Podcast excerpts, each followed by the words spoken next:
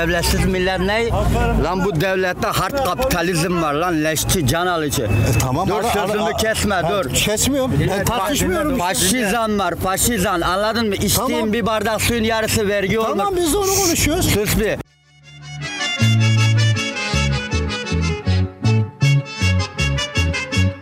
Yo no sé por qué te cruzas en mi vida. Zırvaizm kanalının hazırlayıp sunduğu Darphane Podcast serisine hoş geldin. Bu yayını YouTube, Spotify ve iTunes platformları üzerinde bulabilirsin.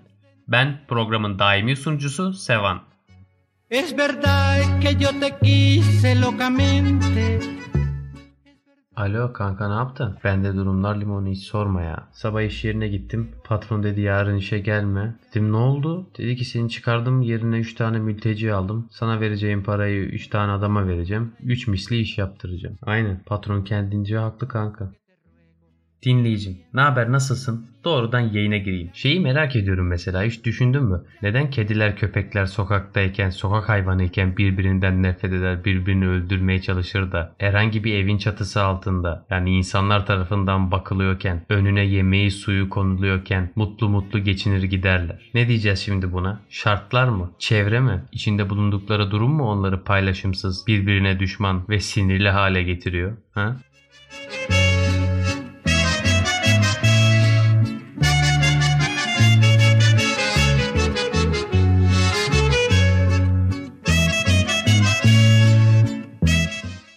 Gel birlikte bakalım. İnsanı insana kurduran bu kapitalist düzen nasıl oldu da yoksullaştırdığı halklarda doğan öfke ve nefreti, eleştiri oklarını kendi üzerine çekmemek için yine garibanlardan olan belki sana, bana veya bir başkasına öfkeyi yöneltmeyi başardı. La que llevas dentro de tu corazón. Es verdad que yo te quise. Senden son 350 yıllık insanlık tarihini, savaşlar tarihini düşünmeni istiyorum. Batmakta olan kapitalizmin ve kapitalist devletlerin bu iktisadi sistemde son aşamasına geldikleri bu düzende hiper enflasyonlar yaşayıp batarak ve bunun neticesinde de çıkış yolu olarak savaşa girme riskini nasıl aldığını hatırlamanı istiyorum. Bu yayında çoğu insanın yapmadığı bir şey yapacağız seninle. Sömürgeci ve kapitalist düzenin yarattığı savaş, mülteciler ve yabancı düşmanlığı gibi konuları bir de başka bir açıdan ele alacağız. Ancak senden fark etmeni istediğim çok önemli bir şey var. İyi dinle kardeşim. Yeni bir bilgi olmasa da hatırlatmakta fayda var. Gün 24 saat ve biz bunun 8 saatini uyuyorsak ortalama 8 saatini çalışarak kalan 8 saatini de kendimize veya diğer sosyal aktivitelere ayırmakla geçiriyoruz. Peki bu 24 saatin 3'te birini uyuyarak geçiriyorsak o kalan diğer 16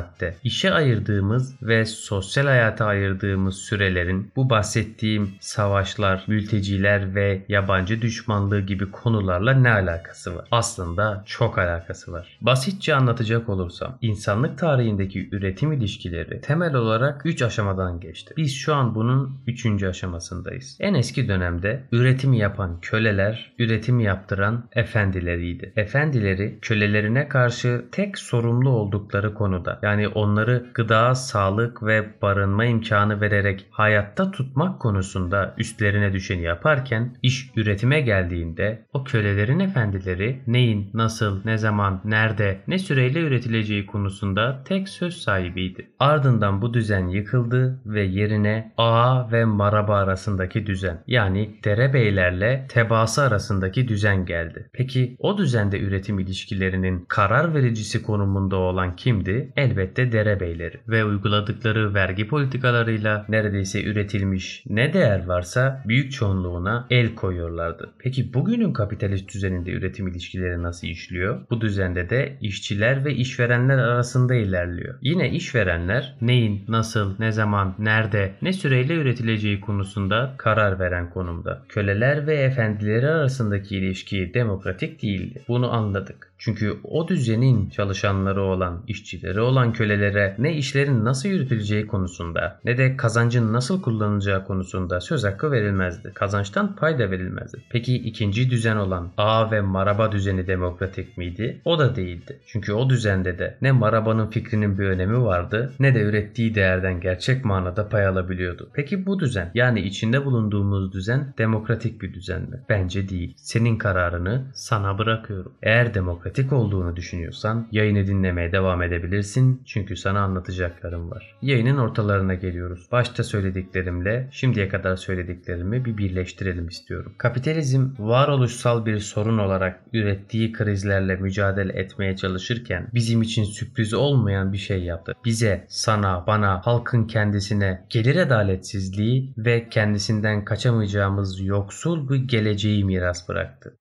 Her ne hikmetse herhangi bir miras reddedilebilirken kapitalizmin bize bıraktığı bu yoksulluk mirası ne yazık ki reddedilemiyor. Peki yoksul olan bizler, başka kapitalist devletlerde ve ülkelerdeki diğer yoksul halklar hiperenflasyonla, pahalılıkla, barınamamakla, açlıkla mücadele ederken ne yaptılar? Öfkelendiler. Suçlayacak bir yer, suçlayacak birisi, adeta bir günah keçisi arıyorlardı. Adının ve sanının hiç önemi olmaksızın o yoksul kalabalıklar, kendilerinin hışmına uğramaktan korkan sermayedarlar ve politikacılar tarafından o kadar iyi yönlendirildiler ki neticede yine o halkın bir parçası olan başka bir unsura düşman haline geldiler. Halbuki işin matematiği basitti. Biz yoksullar olarak bunu yaptıkça yani sorunu yanlış yerde görüp çözümü de yanlış yerde arayınca kapitalistler ve popülist politikacılar ellerini büyük bir mutlulukla ovuşturdular ve öfkeli fakirlerin hedefi olmaktan kurtuldular. Çünkü bu düzende savaş bölgelerinden çıkacak petrollerin, altınların, elmasların ve aklına gelebilecek herhangi bir doğal kaynağın alıcısı olan kapitalistler içine kan karışmış petrolü, altını, elması ve başka hangi kaynak varsa o kaynağı alıp satmaktan hiç çekinmediler. Savaşlar ve iç savaşlar, çatışmalar onlar için oldukça karlıydı.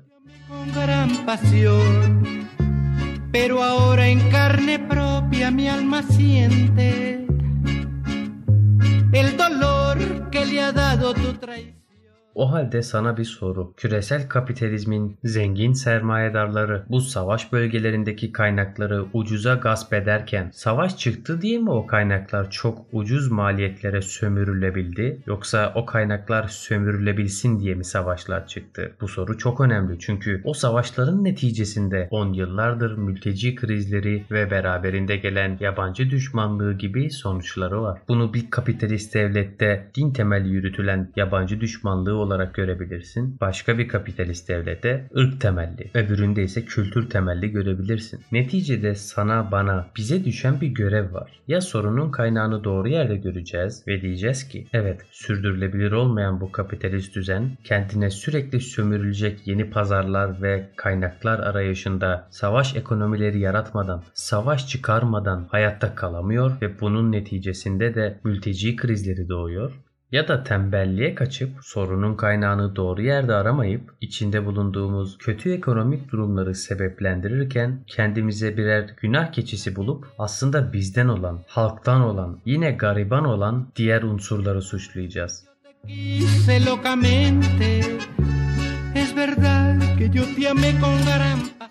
Senden düşünmeni istiyorum. Medyada duyduğun ve denk geldiğin sağ popülist ve aşırı sağ gibi tırnak içinde normalleştirilmiş kavramlar ne kadar masum. Biz ki fakirler olarak, garibanlar olarak, yoksullar olarak asıl ayrımın ezen ve ezilen, sömüren ve sömürülen arasında olduğunu görmedikçe aile bireylerimizin, arkadaşlarımızın, içinde bulunduğumuz toplumun kokuşmuş düzenden ötürü kurumsallaşmasının önü açılan o partilere, derneklere, vakıflara, kulüplere, militan örgütlere katılmasına yol açmış olmuyor muyuz? Çünkü aslında temelinde birer paylaşım savaşı olan bu savaşlar sadece ülkeler arasında değil, o ülkelerin halkları arasında da yaşanabiliyor. Bu bazen karşımıza soykırım olarak çıkıyor, bazen iç savaş olarak çıkıyor. Sen de tarihe bakarsan ne demek istediğimi çok iyi anlayacaksın. Yayının ortalarına geldik.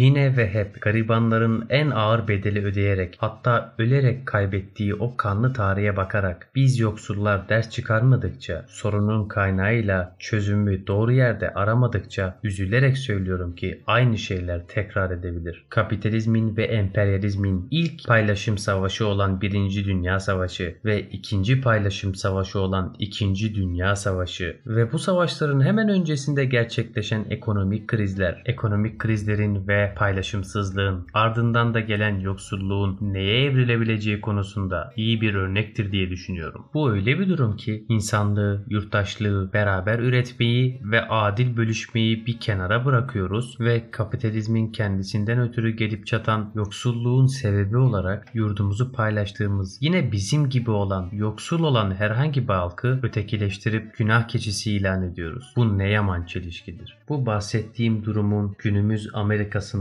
Avrupa'sında hatta birçok kapitalist devlette yeniden hortlaması büyük bir sürpriz olamaz ki. Çünkü bu kapitalizmin kaçınılmaz sonucu. Bir tarafta zenginlerin ve öbür tarafta yoksulların biriktiği bir düzenin kaçınılmaz sonucu. Yayının sonlarına geliyoruz.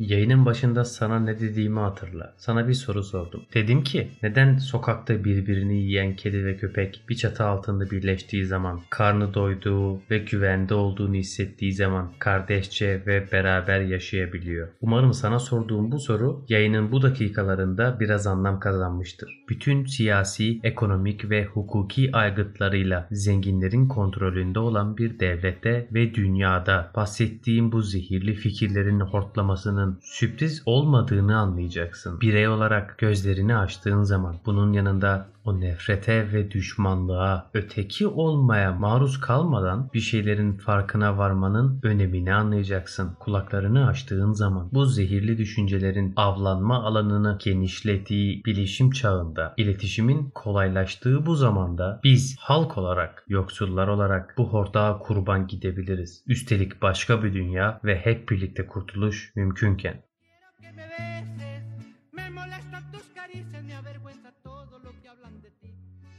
ya deja libre mi camino.